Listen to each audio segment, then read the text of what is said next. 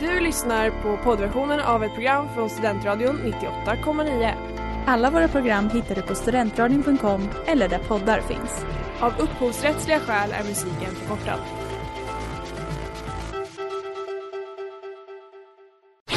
Reklam, reklam. Hej där! Tar du ett sabbatsår? Är du klar med din utbildning i höst? Ta då lite tid för att resa utomlands. Upptäck dig själv med ISEC och arbeta med ett sex veckors volontärprojekt kopplat till hållbarhetsmålen i Afrika. Läs mer på rebrand.ly uppsala 2019.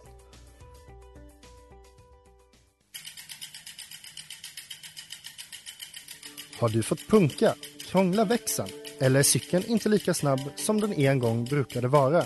Vänd dig då till Leffes cykel, Uppsalas främsta cykelverkstad sedan 1988. Du hittar dem ett stenkast från Ekonomikum på Sibyllegatan 9 i Luthagen och på leffecykel.se. of the worst disasters in the history of nuclear power. Extremt giftig rök. Röken, ni kommer att dö! Hur gör man egentligen för att förbereda sig på det värsta samtidigt som man bor på 13 kvadrat? Blondinbella går igenom sitt livs tuffaste period. Det är väldigt svårt att veta förrän, efter, förrän efteråt. Inte om, utan när kriget eller krisen kommer. Hej och välkomna tillbaka till en ny termin och det andra avsnittet av När kriget eller krisen kommer. Här i studien står, står jag Tova och med mig har jag som vanligt Rebecka och Alicia. Eh, och vi har även en gäst med oss idag, Per Risberg. Hej hej! Eh, vi är som vanligt här för att ta oss igenom stora och små kriser som vi har tänkt på sen vi hörde senast för en vecka sedan. Nu undrar jag inledningsvis, vad är era bästa preppertips den här veckan? Om du börjar Alicia. Eh, jag tänkte på att det är bra att ha verktygslåda hemma. Båda för, både för små vardagskriser, till exempel en hylla ramlar ner, Mm. en tavla ramlar ner. Jag har ingenting att sätta upp det med, insåg Nej. jag. Så det måste man fixa. Men också sen när krisen kommer tänka att man kanske ska bygga sig en liten eh, ja, jag vet inte vad man vill bygga. Men man någon- vill ju vara någonting. den som lånar ut verktyg snarare Ja. än den som behöver låna verktyg. Ja, Det, det känns är som ett power move. Exakt. verkligen. Man vill inte vara en börda. Man vill Ja. yxa sig och göra det till en liten eld kanske. Ja. Du tänker en kris då när hela samhället bara Ja, förstörs. också. Då Ja. ska du Mm. bygga. Ja. Vi har inte kvar några bostadsområden överhuvudtaget. Alltså inte ett hus men jag menar så här. man kanske vill ha liksom hammare, Ett nattusbord. kniv. Men typ. Men om det krävdes skulle du bygga ett nytt hus. Ja. Ja men jag supportar. Har du några preppertips den här veckan Alicia? Nej, Rebecka. Ja, ehm, det har jag faktiskt och det här snor jag av en ehm, god vän som har blivit hundvakt. Och det här är ett sånt genidrag. Ja. För att man behöver inte ha helt ansvar för en hund men man får träffa ett djur när man vill och det är ju världens trevligaste Gud, det är grej. ju toppen. Mm. behöver man ju inte betala heller antar jag. Nej, Alltså Precis. för mat. få betalt. Ja, men får, Om man får man det? Jag tänker att... Det... ja jag vet faktiskt inte men jag tänker att det kanske räcker ehm, att få må lite bra. av liksom, Endorfiner. Ja absolut. Och vad tänker du Tove? Hur kommer du ta dig igenom? Ja, mitt bästa preppertips är nog att ha mer ätbara växter i studentrummet. Alltså, Mer, så du har redan någon? Nej, men jag tycker när krisen kommer så tänker jag att gränserna för vad som är ätbart sänks. Men jag tänker att så här, bra att ha ett förråd. Bonus att eh, se trevligt ut. Man kan ha lite tomat. Bli Ja. självförsörjande. Hall, nej, Hallon. hallon är stora buskar. jag vet inte hur stort ni bor men. Har du några preppertips den här veckan Per? Ja, men min är nästan exakt samma som din, tyvärr. Oj. Om nej, det Men mitt- då är det riktigt bra tips. Ja, mitt preppertips är att ha en liten stickling ja. nära och redo. Och jag tänker mest på filmen Wall-E. Ja, när de liksom, det är en Hittar liten, liten stickling som liksom räddar hela jorden. ja, ja. Så jag tänker att Mm. det är ett bra preppertips för att behövs det så kan man rädda jorden. Men om inte, då har man en liten stickling att ta hand om. Ja, och då blir man glad. Ja, Som Hel- med hunden. Heltidssysselsättning eh, nästan. Det är endorfintema på våra preppertips den här veckan låter det som. men jag tänker det är ett nytt år, eh, nya möjligheter. Man får vara lite glad också. Ja, Hoppas. ja. Eh, I dagens avsnitt kommer vi prata om klimatet och miljön. Eh, både på jorden och i vår närhet. Vi, vi ska få höra om bland annat ekofascism, Amazonas och om man är små, snål eller miljömedveten när man handlar second hand.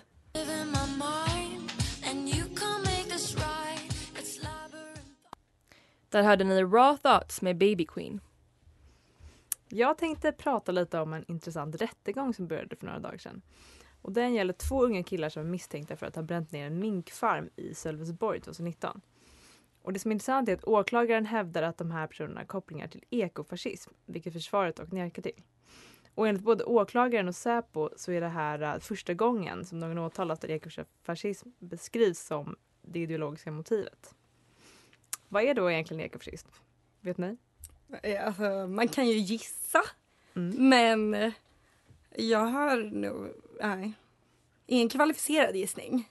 Det är typ vad det låter som. Det är en ideologi som bygger på en kombination av djuraktivism, ekologism eller miljöaktivism kopplat med fascism eller nazism. Spännande, så man älskar miljön och hatar judar. Ja, exakt. Ja. Det går bara inte ihop, tycker jag. Nej. Hur får de Eh, ihop det? ehm, Lisa Kati som är forskningsledare på FOI eh, säger till Sveriges Radio att ekofascister vill snabba på en undergång av samhället. De tror, förlåt, Förlåt, jag har en fråga då, men de vill snabba på en undergång av samhället så att de vill, de vill inte ha bra miljö. Jo, de vill Ja. ha miljö men de tror att den moderna civilisationen måste dö först. Okej, och den vill de okej, snabba på. okej. Undergången. Och att, eh, ja helt enkelt, de vill snabba på undergången genom att sabotera och det gör man genom att utföra mord eller masskjutningar och skapar kaos i samhället. Citat. Och hon beskriver även att eh, ekofascisterna vill skapa ett nytt samhälle där de gamla har gått under och där vita människor lever i samklang med naturen. De vill göra sig av med modern teknik och till exempel utöva byteshandel. Okej. Så förutom det här med att det bara gäller vita människor så låter det lite som andra miljöaktivister. Ja, men- där kom det liksom. Mm. Ja, det var Ja. det man väntade på. Ja. Och för att göra det här lite sjukare så skriver, beskriver Maria Darvish som är doktorand i genusvetenskap och forskar på det här bland annat eh, säger att ekofascism går att koppla till det nazistiska uttrycket blod och jord. Citat. Mm. Bara det uttrycket tycker jag är Klassiskt. sjukt. Nej, men jag- Jag vet inte, jag, vet inte, jag bara känner mycket känslor. Det låter ju som någonting som både kan användas inom nazismen men också som slogan för typ toughest viking. alltså det känns lite så här mångbottnat. Är det Ja. någon på Hyper Island som har kommit på det? Jag vet inte. Men hon säger då att blod och jord bygger på att rasidentitet är tätt sammankopplat med jorden eller landet, det vill säga områden som man menar tillhör sin ras inom stora citationstecken. Och eh, kommer någon utifrån som inte tillhör den tilltänkta rasen inom citationstecken anser man att det ödelägger ekosystemet. Mhm. Eh, så att det känns ju sådär. Hon har liksom applicerat invasiva arter på människor också liksom. Ja men typ lite så rasbiologi. Har vi, med- är det någon som har tagit liksom spaningen att det är de som har kommit på corona? Nej, men nu. Alltså jag vill inte vara sån men det, det bådar ju inte gott. Nej. Och det som är obehagligt tycker jag också är att hon förespår även att ekofascism lättare kan få fäste på ett annat sätt nu än tidigare. Eftersom det citat finns ett starkt krisnarrativ i världen generellt och fascism trivs i samhällen i kris. Mm. Dessutom pekar allt åt fel håll vad gäller klimatkrisen. Slutcitat. Ja, men har ju inte fel. Så allt det här tycker jag bara känns väldigt obehagligt. Och ska vi inte bara oroa oss över incels, fascister, nazister, andra idioter utan också ekofascister? Mm. Att de inte är på sådana olika håll utan att ja.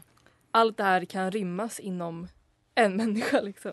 Och att Det det, är ger så dålig, ja, verkligen, det ger så dålig reklam också till resten av miljörörelsen. Att det är så här, här har vi någon som älskar eh, Gandhi och linsgryta. Här har vi någon som plötsligt är fascist Ja. men också gillar linsgryta. Alltså det känns Nej. sådär. Nej, det är inte, inte toppen.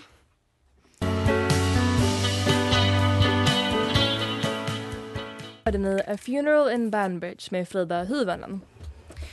Jag har också tänkt lite på det här med klimathotet Um, och tänkt på det när, liksom i termer av säkerhet. För att beskriva någonting som ett säkerhetshot det gör ju ofta att en slags skugga av allvar lägger sig över det. Och jag undrar om det här kanske är det mest så här, effektiva sättet, sättet att få folk att ta till sig um, att det är seriöst. För det är ju bara i krissituationer som undantagstillstånd utropas. jag tänker att det här skulle kunna vara ett slags hopp för hur vi skulle kunna göra någonting åt klimatfrågan. Eh, för att vi måste ju verkligen förändra vårt beteende typ som att det var undantagstillstånd. Klimatkrisen har ju börjat beskrivas av vissa som just ett hot mot mänsklig säkerhet. Men det jag skulle vilja lägga fram här nu är någonting jag lärde mig eh, förra veckan att det just nu pågår ett skifte i den här debatten om Mm. hur eh, klimatförändringar beskrivs i förhållande till säkerhet. För tidigare så har det varit effekterna av klimatförändringar som har betraktats som ett hot mot fred och säkerhet i världen. Till exempel matsäkerhet, eller snarare osäkerhet, och eh, klimatflyktingar. Eh, men numera så betraktas även orsakerna till klimatförändringar som ett säkerhetshot. Där vissa stater, till exempel Brasilien, eh, genom förstörelse av Amazonas ses som en slags rogue state på samma sätt som vi tidigare har sett på kärnvapenmakter. Typ. Att Mm. man inte förhandlar med dem på samma sätt eller inte ser dem som vilket land som helst. Ehm, så um, jag funderar på det här. Och vad, vad tror ni? Är lösningen på klimatkrisen att vi börjar behandla det som en säkerhetskris? Och vad säger det om oss egentligen att vi behöver göra det? Vi har ju en eh, expert på fred och konflikt här i studion. Ja, precis. Du är ju utbildad. Eh, vad ska vi göra? Eh, bra fråga. Eh, jag önskar att jag hade ett, ett svar. Eh, men jag, jag, det finns eh, många så här, teorier om att göra saker till säkerhetshot och att det just är effektivt att få en ändring. Men det liksom krävs att alla, alla aktörer som kan liksom påverka kanske inte På opin- riktigt, Ja, liksom. men liksom påverka känslor och uppfattning hos gemene man. Liksom, Mm. Att de fr- framar det som ett säkerhetshot. Mm. Och som du sa så har det väl börjat göras det. Men om liksom en... Om vissa stater inte tycker det och andra tycker det, då kan det bli lite Ja. skillnad i liksom vad... Ännu mer obalans i... Mm. Ja för det känns ju som en så typisk grej som säkert hade varit svinbra. Men då är det ju så här för att det skulle göra någon skillnad så känns det som att då måste man ändå få med typ, typ Brasilien, USA, Kina, jag vet inte, lite, alltså såna här lite större, ganska viktiga länder på, på tåget. Och det känns som, det är inte så att Brasilien kommer bara Ja, ni vill göra oss till ett säkerhetshot. Mm, det låter toppen. Eh, vi löser det. Alltså det känns som att det, det vore ju rimligt. För att då kommer ju folk vara så här, ja det här är thing. Men det känns lite, jag vet inte, det kanske jag som är så här pessimistisk boomer nu. Nej, jag tror att du har helt rätt för det är just de som brukar vara liksom ett hinder. Mm. Men tanken är att man ska på samma sätt som man har liksom en humanitär intervention som i sig dock är väldigt Mm. omstridd. Att man skulle kunna eh, prata om någon slags atmosfärisk intervention. Ja, det är chill. Som på något sätt är liksom överstatlig. Och att när det verkligen gäller människans överlevnad ska kollektiv säkerhet gå före suveränitet. Det hade varit toppen. Det är absolut inte vedertaget. Så citera mig inte. Men alltså kan vi inte Men det är en bara- debatt som finns. Ehm, Det är ju och som kanske behövs. Det är verkligen superspännande. Vad tänker du Alicia? Jag tänker att det händer ju redan på vissa håll.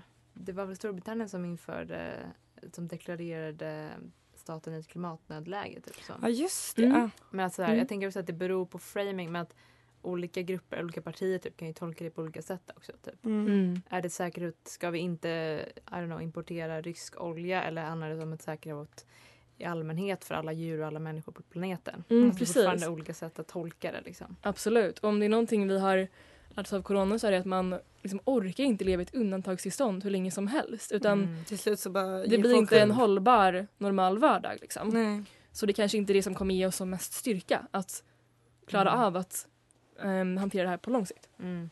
Och det också det finns forskning på att det, man vill ge en så här positiv anda när man framar politik. Att typ så här, för att hålla någonting på agendan kan man inte bara säga typ så här klimatkris, Allt kris, dåligt. kris, pingvinerna dör, eh, Amazonas bränns ner utan man måste också typ säga men vi har solceller. Ja, Att okej. Det kanske finns någon sån. Hoppet måste finnas.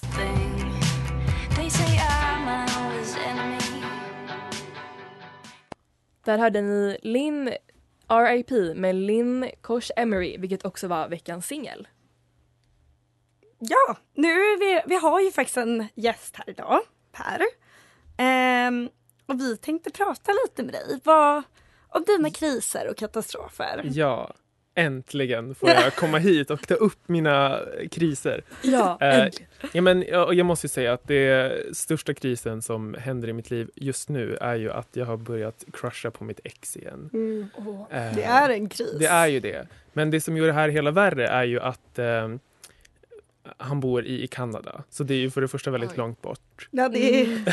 det hade varit dåligt även om det inte var ditt Det är ex. ingen som ringer på på lutis. sådär. Nej, precis. Nej. Eh, och varför vi gjorde slut första gången var ju för att han var otrogen. Mm. Vilket ju Ja. sad. Hej då. Ja. Eh, men nu är, liksom, nu är liksom hela den här hösten och våren så har han betett sig så konstigt. Han har liksom skrivit till mig och liksom så här, åh, vi borde typ ses igen. Och jag bara, ja, du bor i Kanada så nästa, Och nästa det är en global pandemic. Precis, men och sen fortsatt med liksom så här, åh, vi hade så kul när vi umgicks och så här, eh, jag sk- skrev en gång att jag liksom låg och såg på Netflix med min katt och han bara, Mm. åh, vi borde se på Netflix, blink blink. Eh, Du föll som en fura. ni gjorde inte det först, men jag liksom insåg ju i förrgår när jag liksom såg en bild på honom och mig att wow, nu, nu är känslorna tillbaka. Det är viktigt. Nu kommer alla känslor Ja, på en och precis, samma gång. Mm. Precis. Och jag vet inte, jag är nog bara lite dum i huvudet som går tillbaks. Men är det inte också lite corona? Alltså att man är så här, det är så, alltså fördel med att dejta under corona är att alla har tid hela tiden. För Det det är är, sant. ingen som har några planer. Nackdel är ju att du ska ju inte träffa någon. Precis. Så att det är så här, det är väldigt lätt på ett sätt. Men det är också alla som går med på att träffa är ju dumma i huvudet eftersom att vi bryter mot Ja, restriktionerna. Så det är så här, jag tänker att man är lite Mm. ensam och skör. Och så bara, mm, vad trevligt det var förut. Förut när jag inte var ensam och skör. Det är en liten trade-off. Man känner att man kanske har lite mer av sig sen att lägga på god mat. Men ska Mm. jag äta all den här goda maten själv? Ja men exakt. Ska jag göra det? Exakt. Alltså jag tänker att det behöver ju inte bara vara att du är så himla kär i hans Oh, han vill verkligen se på Netflix med mig! Ska Men- jag? Jag är så nyfiken varför ehm, han har varit så kontaktsökande med dig när han bor så långt bort. det är en mycket bra fråga. Ja. Jag funderar på om han har gjort slut med sin flickvän, vilken ju Ah. då var den som alltså han Var otrogen. var otrogen med. Ah. Så ja, det är så mycket röda flaggor. Ja, Det- gud ja. Eh, men ja, här är jag ändå och, och, Och pratar eh, om det och i radio. kollar på biljetter till Kanada. Så eh, efter pandemin är över såklart. Eh, Då, Men jag tänker att då åker vi.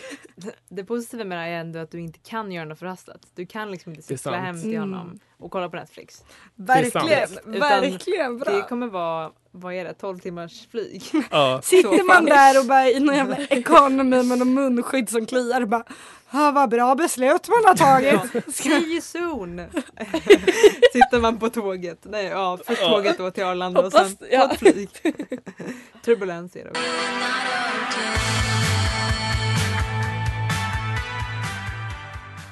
Där hade ni Nothing med Low Res. Och även denna vecka har vi en lyssnarkris. Jag tänkte läsa upp den nu så ska vi hjälpa denna lyssnare igenom det. Ja. Identitetskris eller snål? Vart går gränsen för att vara miljömedveten kontra snål? När man har lagat favoritpolotröjan för tredje gången på samma ställe börjar återanvända aluminiumfolie eller fyller på sin medhavda termos med kaffe på Pressbyrån för att den får plats med mer och man slipper betala hela tre kronor. är det att vara miljömedveten idag bara ett sexigare benämning för att vara en snåljåp?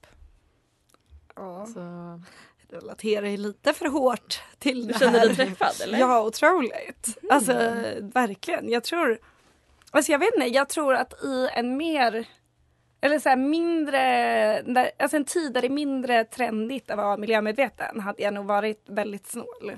För att ja, det svider ju när man inte har med egen kopp och man ska betala de här tre kronorna. Aha. 13 kronor! Det är tre kronor, det är Mm. ingen skillnad för min ekonomi.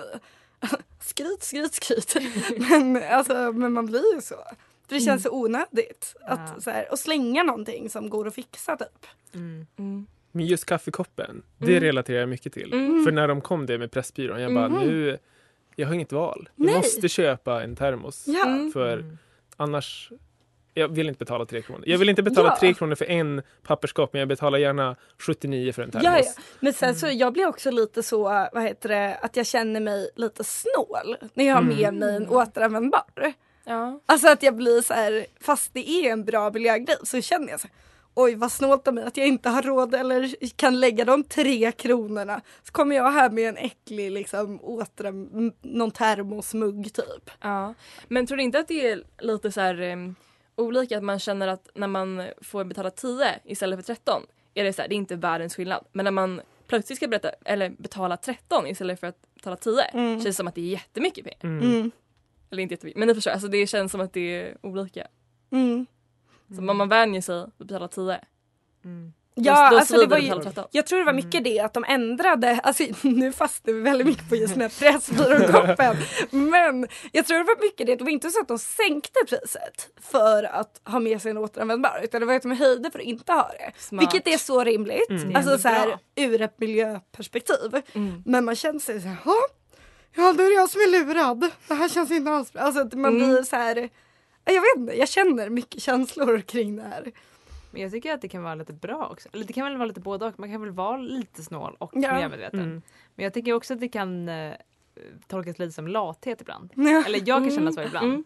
Att jag bara så här, nej jag kan ha kvar den här gamla stekpannan. Den gör ingenting att den Ja. sönder. Det är så onödigt att köpa en ny. Ja, och så hur? kamouflerar man det med Ja, så här, nej men jag är bara miljötjej. Exakt. Alltså, Och Mm. till exempel det här med att jag inte har körkort. Mm. Det är då klimataktivism. Ja, ja. Absolut ingenting med att jag Själv- inte orkar lägga ner jättemycket tid, ork och pengar på att köra bil. Nej. Eller att det finns elbilar. Jag har en cykel. Det Ja, går väl bra. herregud. En cykel som också problemet? har fått funka typ tre gånger och jag också har ett dubbdäck och ett vanligt däck. Vilket är absolut lathet. Det kommer ju bara se ut som att du är väldigt erfaren cyklist. Jag bara, det att är här, ändå nej men det här är en grej. ja, Det det, här är en grej. det är vinter åtta månader om året ungefär. Så eh, man kan kombinera alla de tre kanske. Men vad tycker ni? Är det, är det liksom en, en, eh, en blandad grej? Att, vara, alltså, att man är snål och miljömedveten och det är okej? Eller är liksom att vara miljömedveten bara ett sexigare ord för att vara snål? Nej, jag tänker att det är miljömedvetenhet. Sen så kanske vissa grejer kan vara lite too much. Ja. Men ja, både och kanske.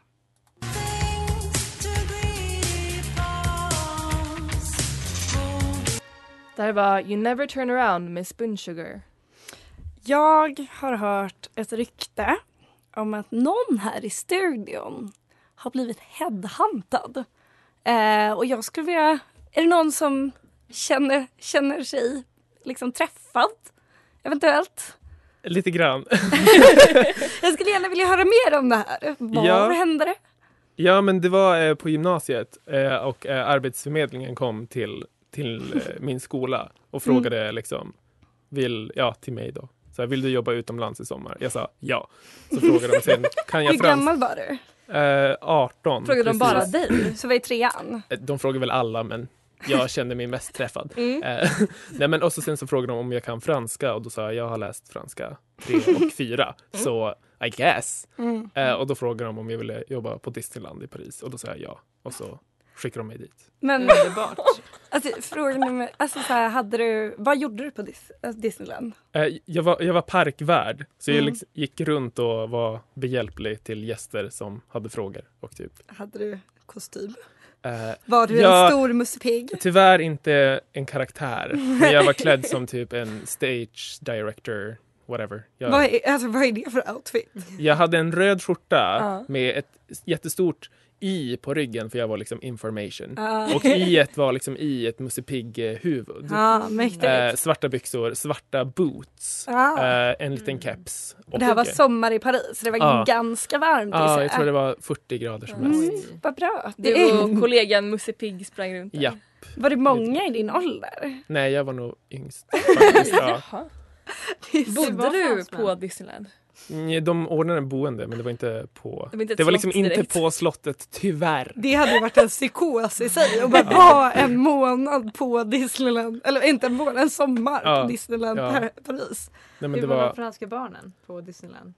eh, de var barnen? väldigt, men som alla barn, bara att de pratar franska och väldigt snabbt och liksom jag eh, kan... Klassiskt alla barn, de pratar franska. Eh, alla franska barn.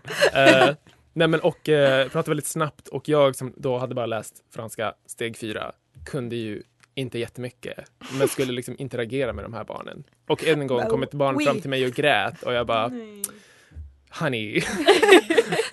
jag antar att du har tappat dina föräldrar. Nu går vi hit och hittar dem. Bara oui oui baguette och sen så gick det därifrån. Ja. Bara, Man blir hungrig inte. Alltså, Ja. håller på och gnäller. Jag har ju sett på, på, in, på internet, Mm. jag är där ibland eh, och hänger, eh, att det finns vuxna personer. Det kan vara så att det är ett amerikanskt fenomen. Eh, som mycket är. Men att det är vuxna personer som är besatta av Disney World. Och jag tänker, finns det sådana Ja. även på Disney? Hade ni stammisar? Alltså stammisarna som var vuxna såna här Disney freaks var ju då, alltså mina kollegor. Nej. alltså de hade, alltså på sina lediga De liksom dagar. dit. Ja men och på deras lediga dagar då liksom åkte de in i parken för att liksom vara och så här, åka nej. karusell och få autograf av liksom figurer Nej, men och. det- Jag menar jag gjorde det en gång för att jag var på Disneyland men det var Ja. inte som att jag var där 24-7. Nej men det är helt sjukt. De har funnit sin plats. Ja. Liksom. Ja, men det är... I'm happy for them I guess.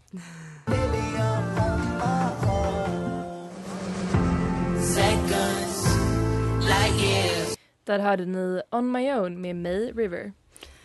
Vi har ju pratat mycket om klimat och miljö idag. Eh, och jag tänkte också prata om miljö, men en annan typ av miljö. Miljön på Joe Bidens installation. För nu idag klockan 18 för nästan två timmar sedan så var det ju dags för USAs 47 president Joe Biden att ha sin installationsceremoni. Eh, på grund av corona så var det ju istället för en publik en helt sjukt mängd små amerikanska flaggor. Jag vet inte om ni har sett bilder, för det, det stod någonstans att det skulle vara bara flaggor istället. Och då, jag personligen tänkte att det skulle vara såna här mäktiga, stora, alltså ändå minst en gånger två meter. Alltså, liksom. De var ju jättesmå. De var verkligen en fot hög. De var inte stora. Men det var flaggor och typ 25 000 soldater. Eh, spännande. Eh, har hört rykten om att flera i studion blev rörda av hans tal. Kan varit minst en tår som fälls. Jag kommer inte bekräfta eller förneka. Eh, vi har ju också en annan historia som har skett, eller en del av historieböckerna har Ja men skrivits. Vi har ju Kamala Harris som steg på som Madame vicepresident. jag vet inte om det heter så men jag Jo, tänkte det, det kändes jag. riktigt. Det lät det. Ja för det är också han, eh, hennes man blev ju så här gentleman, äh, så här First- first, second- gen- second. second, gentleman. Mäktigt. Eh, hon blev ju då den första kvinnan på positionen någonsin i USA. Helt otroligt. Verkligen inte en politiker som jag liksom har delade åsikter med i huvudtaget men lite mäktigt att tjejer kan. Känns toppen. Um, men med hela den här äh, presidentövergången vad har ni känt mest till? Alltså det är mycket som har skett och jag vet att vi alla känner väldigt mycket. Eh, vad, men typ Rebecka, vad, vad har du tänkt att du känner mycket kring det här? Oj, nej men eh, jag har knappt eh, liksom kunnat tro det förrän det faktiskt hade mm, gått igenom. Ja. Eh, jag, jag visste ju hur stark säkerhet som det fanns redo på plats idag. Men ändå tyckte jag att Biden såg så sårbar ut. Han stod med handen på bibeln och jag liksom bara, ville bara skydda honom och var rädd att snälla, snälla skynda dig så att vi bara kan liksom andas ut. Ja. Ehm, Var du lite rädd att, han, alltså att något skulle hända? nej man vet aldrig, det var lite, lite den känslan. Ja, Ehm, det är ändå USA. Ja, annars ehm, Lady Gaga Ja. är allt jag säger. Ja, alltså det hade något. Ja. Jag tyckte det var väldigt fint både när Kamala Harris och när han svors in och sa de här orden och sen så hela Bidens tal tycker jag var väldigt fint. Mm. Han sa ju democracy typ 35 gånger eller någonting. Du räknar. Och union och, nej jag lyssnade lite på SR och de sa det. Men också att Kamala Harris också är den första afroamerikanska Ja, kvinnan och personen Ja. som är vicepresident. Mm. Det är stort. Förutom Barack Vice. Obama. Ja, vice. Jag bara, Eh, jag har en tidigare. som var- Kvinnan. Ja, ja, nej men verkligen. Det var fint. Ja, nej men det var sjukt. Alltså, det hände mycket. Ja, men jag tycker nästan att det händer lite. Eller, nej men på alltså med liksom Mm. allt som har hänt med stormningen av Kapitolium Ja. och eh, hela valet och allt sånt där. Det har hänt så mycket och hela före detta presidentskapet. Man är ju så van med att det ska hända saker. Mm. Och nu så liksom Ja, jag, jag var, jag liksom, det kändes lite som ett antiklimax efter de hade svurit in. Mm. Vilket ju så det ska vara. Alltså, Det är det ska ju bästa vara möjliga fred. Ja, det ska vara en fredlig övergång av, Ja. av eh, Ja. makt. Men Lite det var liksom så bara, liksom. ja. Men Ja, det enda dramat man hade var ju typ att Trump vägrade vara där. Mm. Och att han steg Ja. på sin helikopter, gjorde den här victory, liksom att han Ja. gjorde liksom en fistbump i luften. Och bara ja, ja då var det klart. Vi hörs och ses. Alltså Mm. det var ju typ det mest dramatiska Mm. som hände. Nej men det är ju en lättnad vi alla känner och förhoppningsvis så går ju USA med i Parisavtalet igen redan idag. Ja det är ju sjukt. Mm. Men jag skulle vilja fråga, vem tror ni kommer em, sjunga som Lady Gaga gjorde idag om fyra år? Om ni bara får spana lite.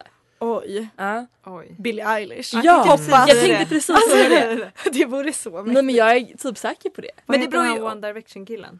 Harry Styles. Inte han britt. Han är brittisk. Men han kanske får sjunga ändå. Until the waters rise around us Där hörde ni Hold On Kid med Vita bergen. Ni har då den senaste timmen lyssnat på När kriget eller krisen kommer i Studentradion 98,9 med Rebecka Bjureman, Tove Alin, Alicia Nathansson Thulin och Per Risberg. Risberg. Förlåt.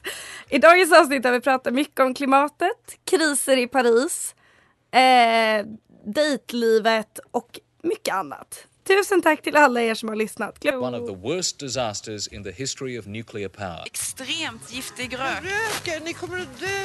Hur gör man egentligen för att förbereda sig på det värsta samtidigt som man bor på 13 kvadrat? Blondinbella går igenom sitt livs tuffaste period. Det är ju väldigt svårt att veta förrän, efter, förrän efteråt. Inte om, utan när kriget eller krisen kommer. Du har lyssnat på poddversionen av ett program från Studentradion 98,9. Alla våra program hittar du på studentradion.com eller där poddar finns. Och kom ihåg, att lyssna fritt är stort, att lyssna rätt är större.